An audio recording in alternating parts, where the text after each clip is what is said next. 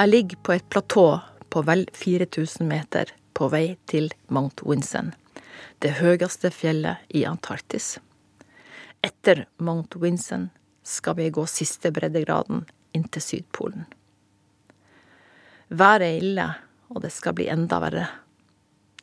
Dag etter dag stritter teltstenger imot stormkast og snø. Jeg er livredd og skråsikker på at vinden vil kaste meg utfor stupet. Hvorfor har jeg utsatt meg for det her? Jeg heter Marit Figenschou. Jeg er helseblogger, skribent og foredragsholder. Den neste timen skal det handle om min største bragd. Om hvordan jeg måtte jobbe med å koble meg fra skam, angst og utrygghet da kroniske sykdommer og uførhet ble en realitet. For om friluftsliv kan utfordre, kan livet sjøl også være risikosport. Sjøl har jeg opplevd å gå fra å være superfrisk til å bli kronisk sjuk. Fra å være en del av et enestående arbeidsliv til å bli én av 318 000 uføre.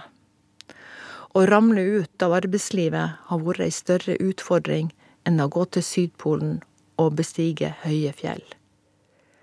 Overgangen fra å være 100% yrkesaktiv til 100% ufør snudde trill rundt på alt. Jeg har tenkt mye på hvorfor jeg, en ressursperson med høyere utdanning, gode jobber i næringslivet, solide venner og nettverk, havna i statistikken over livsstilssykdommer. I denne timen skal jeg snakke om min egen redningsaksjon tilbake til et meningsfullt liv, og om en dyp kjærlighet og livslang forelskelse til natur.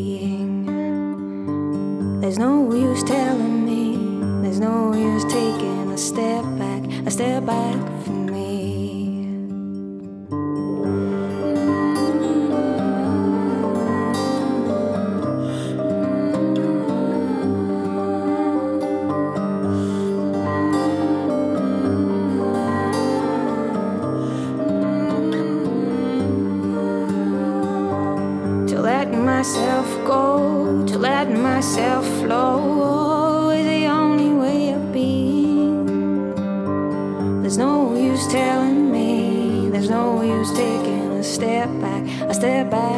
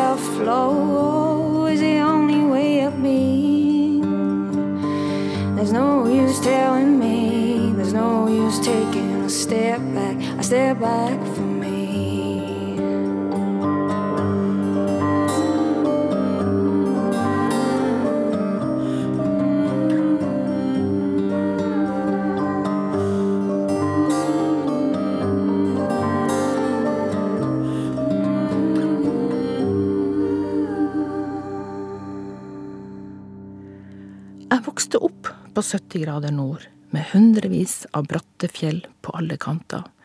Småbruket ligger i Kjosen, midt i alpelandskapet Lyngen i Troms. Der hadde vi en hest, sju kyr og noen sauer. I starten satt jeg i ryggsekken til faren min. Under rumpa lå fiskekake, appelsin, kaffekjel og nistepakke. Armen min kveila seg rundt ei nybakt kringle på høykant. I bygda var det meste forutsigbart. Årstida kom og gikk. Hvordan det blei, var det naturen sjøl som varsla. Mye rognebær betydde mye snø, og gol gjøken i sørsida var det værskifte i vente. Dessuten var det nordavinden og sola som bestemte når vi ble ferdig med slåtten. Det var alltids lov å håpe, men naturen lot seg ikke diktere. Jeg skjønte lite av hvorfor tyske og finske turister sto på bremsen og skrapte opp nylagt grus. De heisa ut av bilene og bussene og retta fotolinsa 45 grader mot himmelen. Wunderschön, himma sytteve. De fremmede ordene blanda seg med støvskyer fra grusen idet bussen forsvant ut langs fjorden fra rekkeferga. Så blei det stille. Mens støvskya la seg, sto noen kalver og skreik etter mat, og vi fortsatte med slåtten. Turistene forstyrra tankene så kraftig at jeg glemte å notere bilnummeret i notisboka. På skolen skrev jeg stil om galningene som reiste så langt for å ta bilder av noen fjell. Med dårlig skjult beundring lytta jeg til faren min, som hadde vært på Store Tjostind, det stupbratte fjellet som lå rett overfor huset. Den sterke faren min forserte brea, skarpe egget og holdt nesten på å dette i fjorden, for han omsider nådde toppen. Han snakka om hvordan han åla seg ut mot kanten for å kikke ned i avgrunn og stup. Det måtte rett og slett oppleves jeg var sju år og hadde umiddelbare planer for ferden. Bare han gikk først.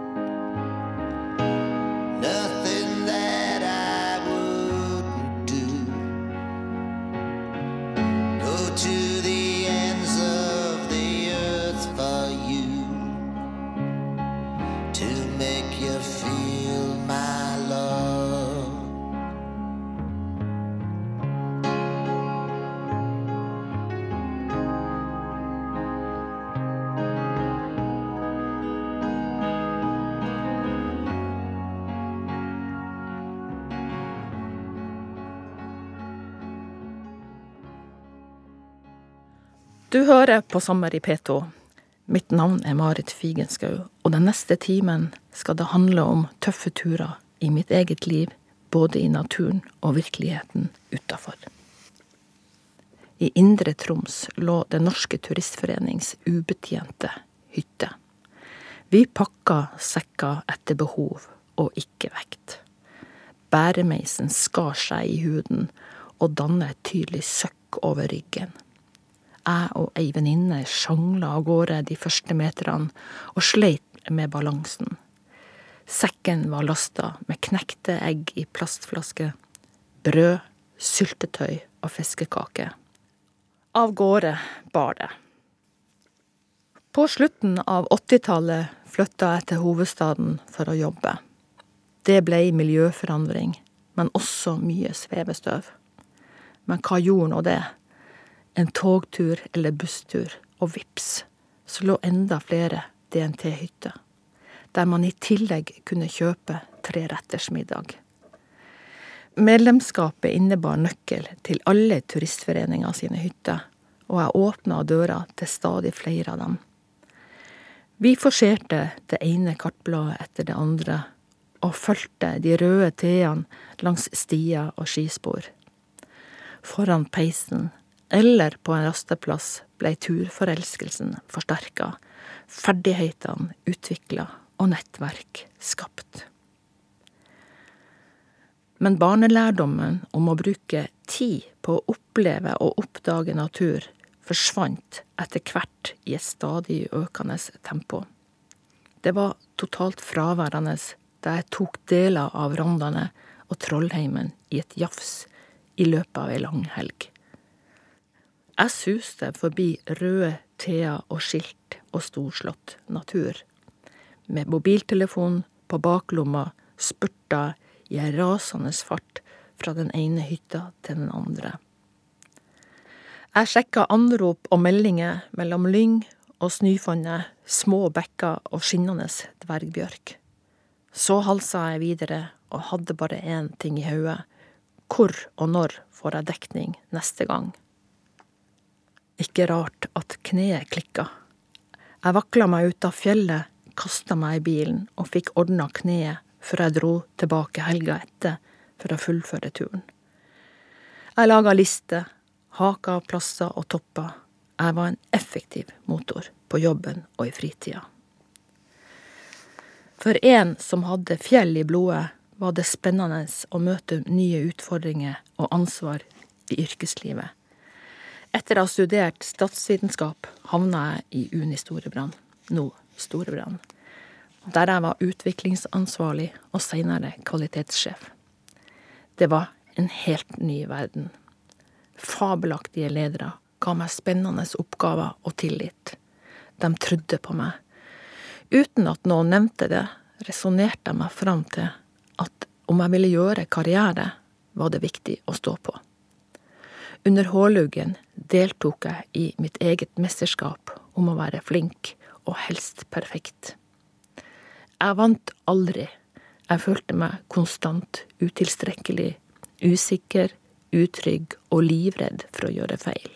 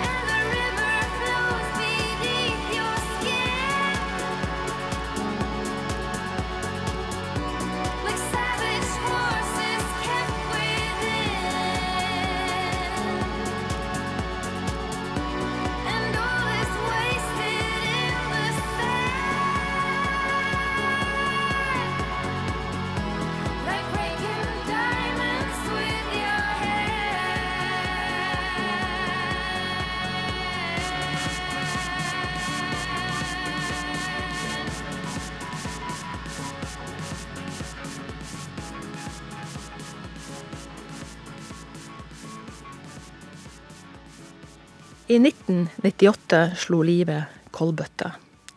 En kreftdiagnose vippa meg ut. Diagnosen røska tak i fornuften og realitetene. Utafor døra til leiligheta mi sto døden og venta til jeg hadde sovna. Mi erfaring var at man dør av kreft en eller annen gang. Man må bare vente, og ofte forferdelig lenge. Døden tar tid. Faren min lå på sykehuset og venta på døden mer eller mindre i to år, og vi venta med han. At tempoet mitt økte etter kreftdiagnosen, var en måte å unngå å kjenne etter. Jeg fikk rett og slett panikk, blei livredd og la, bokstavelig talt, på sprang. Under en glassklar himmel, i en skokk med 15 000 andre villmenn, ga jeg alt for å komme fortest mulig over fjell, vidde og det eventyrlige Lillehammer-landskapet. Birken var blodig alvor, og det gikk aldri fort nok. Planlegginga av neste års deltakelse starta umiddelbart etter målgang. Det gjaldt å finne ut hvor i løypa jeg kunne knipe inn tid neste gang, hvem jeg burde slå, og hvor mye mer jeg måtte trene. Det var 50 helger å gjøre det på. Peis på! Tenk positivt, og la for guds skyld ikke negative tanker ta overhånd. Daglig ble jeg påminnet om samtidens råd, og gjentok dem for meg sjøl. Jeg sa det foran speilet, i butikken, jeg sovna og våkna med dem. Ekkoet hørtes blant folk jeg traff, på en vei som stadig ble smalere. Jobbmessig var derfor timinga perfekt. Da jeg fikk kreftdiagnosen, hadde jeg nettopp starta i tusenårsskiftet, der jeg hadde prosjektansvaret for den nasjonale feiringa av nyttårsaften. Det innebar å sørge for at det ble bygd og tent varder i alle landets kommuner ved inngangen til det nye tusenåret. Det tok ikke mange dager etter operasjonen før jeg var på føttene og tilbake på jobb. Vi hadde store ambisjoner, og jeg ville ikke ligge hjemme i senga og se i taket. Jeg gønna på, og noen gang var jeg på jobben i fire-fem-tida på morgenen og hadde skrevet en tjuetalls e-poster før klokka ble seks. Jeg reiste til fire byer på en dag, og på et hotellrom i Bodø lå jeg i senga og lurte på hvor jeg hadde vært, og hvor jeg skulle neste dag. I over tre år var jeg full av glød over jobbeventyret og samarbeidet med kollegaene i tusenårsskiftet. På nyttårsaften 1999 sto jeg sammen med statsminister Kjell Magne Bondevik, kong Harald og dronning Sonja på Frognersetra. Der ble den store varden tent, og flammene lyste over byen. Fra snøskavla observerte jeg Varden, som gradvis brant ned, mens jeg endelig kunne puste letta ut over alt vi hadde fått til. Kort tid etter tok det fyr også i leddene mine. I løpet av få år fikk jeg konstatert fem ulike revmatiske diagnoser. Å komme meg opp av senga, ut på do og få opp kjøleskapsdøra var utfordring stor nok sjøl for en som hadde fjell i blodet. Og så kom uføretrygden fra Nav. Fra 100% jobb til gradvis å bli redusert til null, ble ei bratt utforkjøring.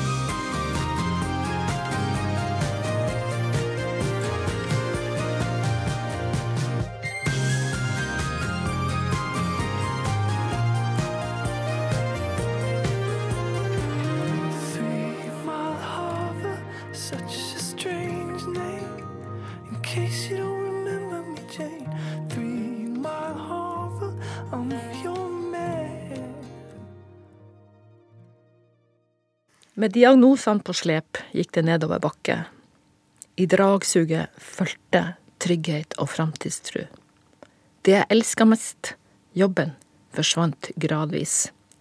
Verdens beste arbeidsgiver, Cappelen Dam, la til rette for meg og ga meg alle muligheter. De fulgte meg tett og slapp aldri taket. Et enestående støtteapparat gjorde sitt. Men det hjalp ikke. Jeg klarte ikke jobben og kjente på skam og nederlag. Den gode følelsen av å ha adgangskortet som vips åpna inngangsdøra til kontoret forsvant. Oppgavene i forlagshuset, alle diskusjonene, fellesskapet, kollegaene, kaffepraten og latteren, alt ble sjeldnere, og til slutt var kortet og pinnkoden borte. Det var rimelig tomt i bunnen av bakken, men det var en fordel med det. Gikta trivdes langt bedre. Det var stille, roligere, ingen telefoner, ingen e-poster skulle besvares, og ingen møter. Jeg kunne hvile når det var behov for det. Slik sett ble hverdagene enklere. Men virkeligheten hadde ei annen side. Hvem var jeg nå? Først og fremst var jeg skuffa over livet. Og når man er skuffa, så er det lov å bli forbanna. Jeg morska meg opp. Det var ikke ei celle i kroppen som ikke var lada til kamp. Huet hadde omtrent ikke plass til alle som skulle unngjelde. Siktlinjen var upåklagelig, og jeg zooma inn kassadama. En altfor slapp nabo som på dugnaden i sameiet sto og hang over riva og snakka skit. Han gjorde ikke en dritt. Og været, det kunne forsvarte svingende slutte å regne.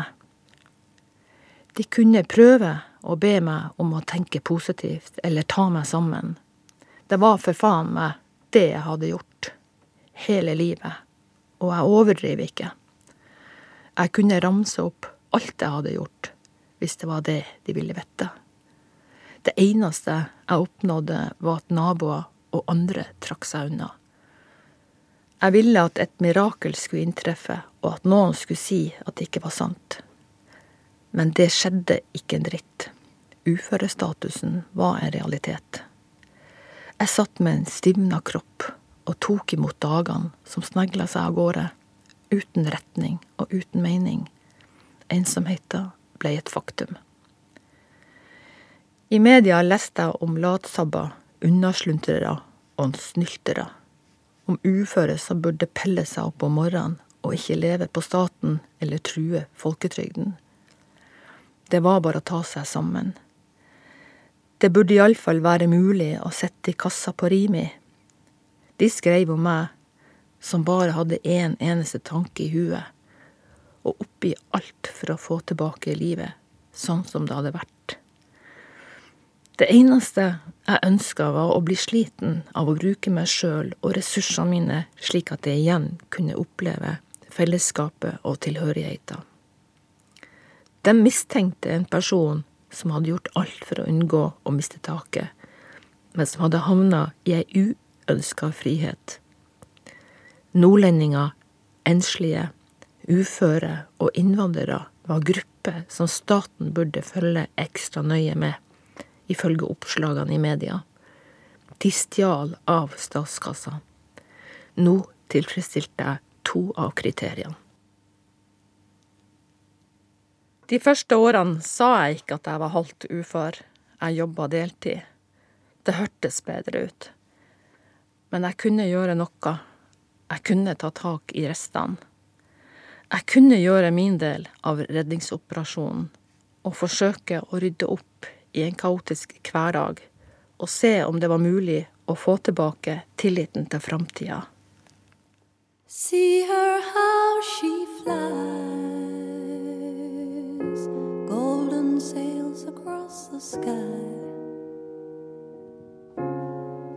close enough to touch, but careful if you try.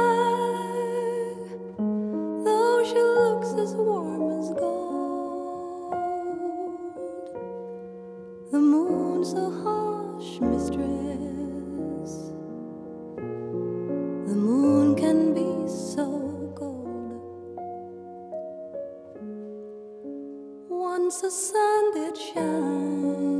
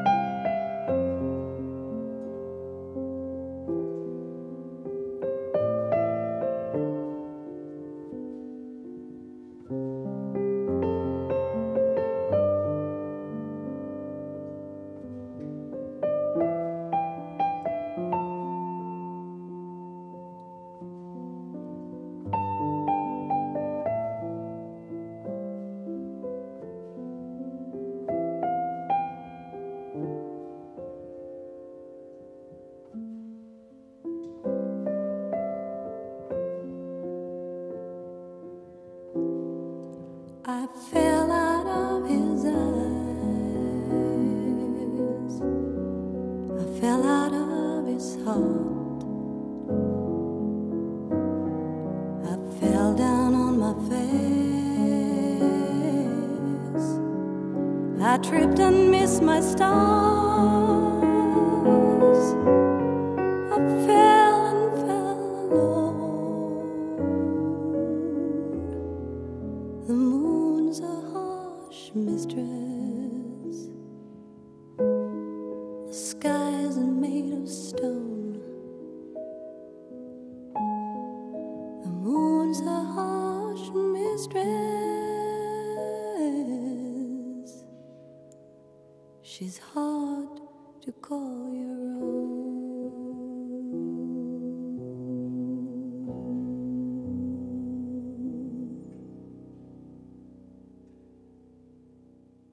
På nettet fant jeg bilder av en blålilla fjellvegg. En kompis hadde vært der, og han hadde kara seg opp de nesten 7000 meterne til den høyeste toppen i Sør-Amerika. Aconcagua heter den, og den minner meg om stupbratte fjell jeg kjente fra barndommen. Jeg var på leiting etter noe annet. Jeg ville finne mi greie. Det var det jeg fant i den blålilla veggen. Det var ingenting å lure på. Nå var det min tur. Natta etter jeg hadde bestemt meg for å dra, sovna jeg med en fornemmelse om at jeg hadde gjort noe skikkelig lurt. Jeg hadde en plan, en drøm og et fjell i sikte. Det var både konkret og begripelig. Jeg starta forberedelsene med knirkende ledd. Under planlegginga oppdaga jeg at kroppen ble roligere og smertene mildna. Aldri hadde leddene vært bedre og smertene mindre. Så bar det av gårde. Det gikk stort sett bra, bortsett fra et par-tre dager der jeg gikk da for sikkerhets skyld låste alle leddene på en gang. Der, i teltleiren på vel 4000 meter, vagga jeg rundt som en staur. Betennelsen mildna etter et par dager, og jeg kunne sitte og nyte en tekopp i solnedgangen og betrakte stjernehimmelen over Andesfjellene. I teltleiren var det folk fra alle verdenshjørner. Vi var noen hundre fjellgale folk som hadde reist uendelig langt for å oppleve akkurat det her. Et par dager seinere ålte jeg meg ut mot kanten for å kaste et blikk på ei slette 3000 meter under oss. Da jeg endelig nådde toppen, konstaterte jeg at jeg hadde lyktes på et vis. Men det aller viktigste var at jeg hadde tatt et stort skritt i min egen retning. Det var mitt valg, min beslutning, og jeg hadde gjennomført. Dette var min tur. Jeg fikk et slags eierskap til meg sjøl igjen, til min egen kropp og hva jeg dugde til. Uten at jeg visste det, hadde jeg laga et slags rehabiliteringsprogram, og det funka. En gedigen opptur. Et fjell. På vei ned fra Aconcagua traff jeg ei inkadame. Hun snakka ikke et ord engelsk, men nappa i Gore-Texen, flirte og sa noe jeg ikke forsto. Hun var pakka inn i noen slitne klær. Mens jeg pekte på toppen, som var nesten 7000 meter høy, rista på hodet og flirte enda mer. Hun slo hendene på låret og gapte til sola. Så retta hun pekefingeren mot hodet. Liksom, hva skal dere nå der å gjøre? Hun hadde så rett, det var ikke toppen det handla om. Det viktige var å være der og gjenvinne tilliten og tryggheten til at det var noe som fungerte. Jeg var en unge som hele barndommen hadde stirra inn i verdens vakreste fjell. Jeg var født med ryggsekk, og jeg var trygg i naturen. Jeg dugde i det minste til noe Turen til Sør-Amerika var medisin, og kanskje kunne flere fjell gjøre samme nytta. Det var slik det starta. Jeg ble hekta og måtte ha mer. Siden har det blitt fem Seven Summits, Sydpolen og mye mer. Underveis har jeg blitt bedre kjent med kroppen min. Jeg veit hva den tåler, og jeg er blitt tryggere. Og kanskje den aller viktigste erfaringa at bevegelse får smerter til å slippe, og at smerte ikke er farlig. Men det har kosta å dra på ekspedisjoner og oppleve stor og annerledes natur.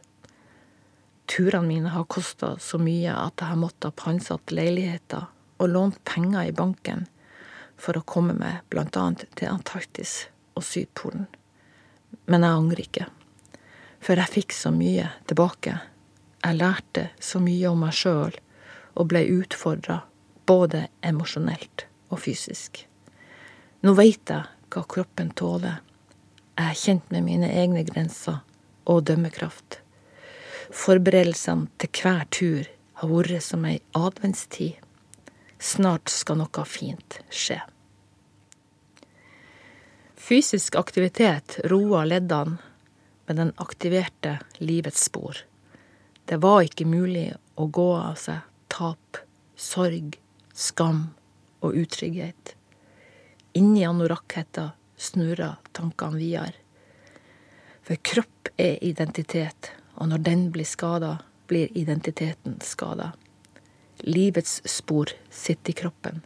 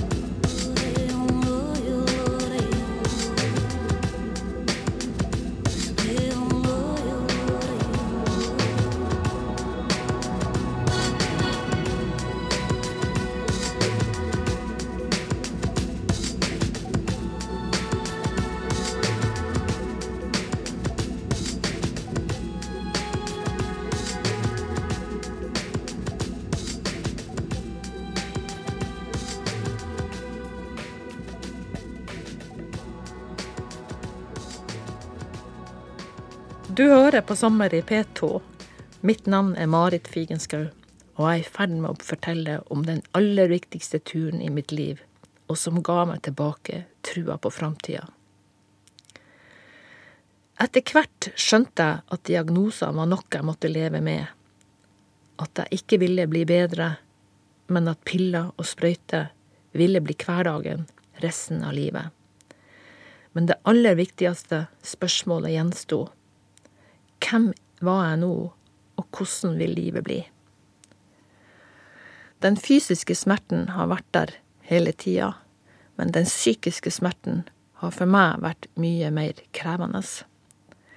Som sjøloppnevnt offer ble diagnosene det mest sentrale i livet. Etterpåklokskap og ansvarsfraskrivelse hadde ingen annen funksjon enn å påføre mer skyld og skam.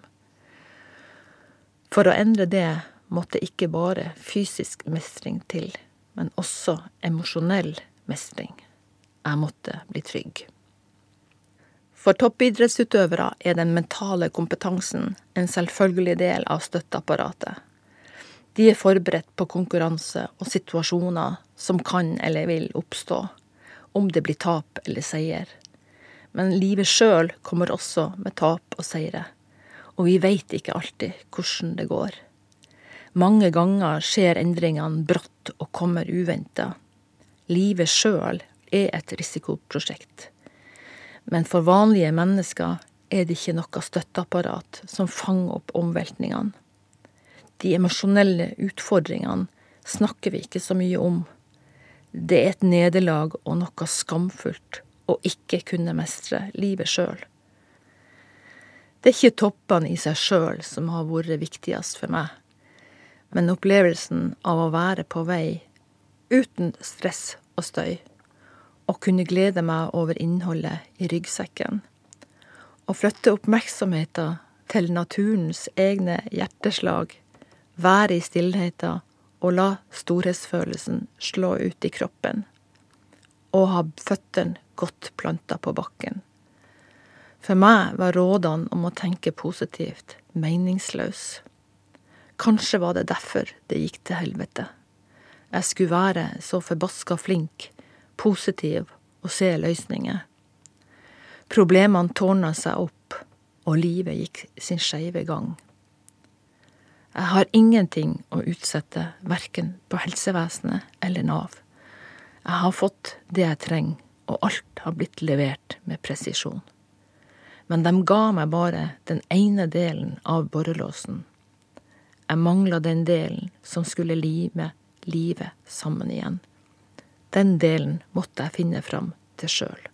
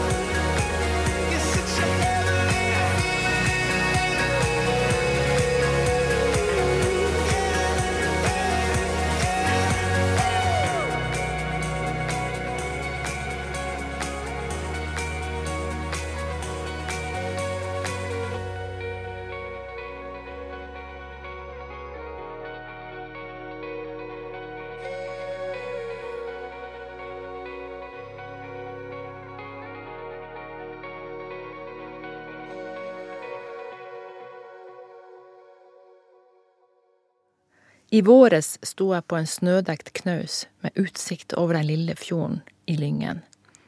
Det var det samme stedet faren min hadde helt meg ut av sekken for at jeg kunne rulle rundt på den varme bakken da jeg var barn. Midt i et av verdens flotteste underverk av fjell og fjord, mellom bjørk og lyng, var jeg liten og sårbar, og det er jeg fortsatt.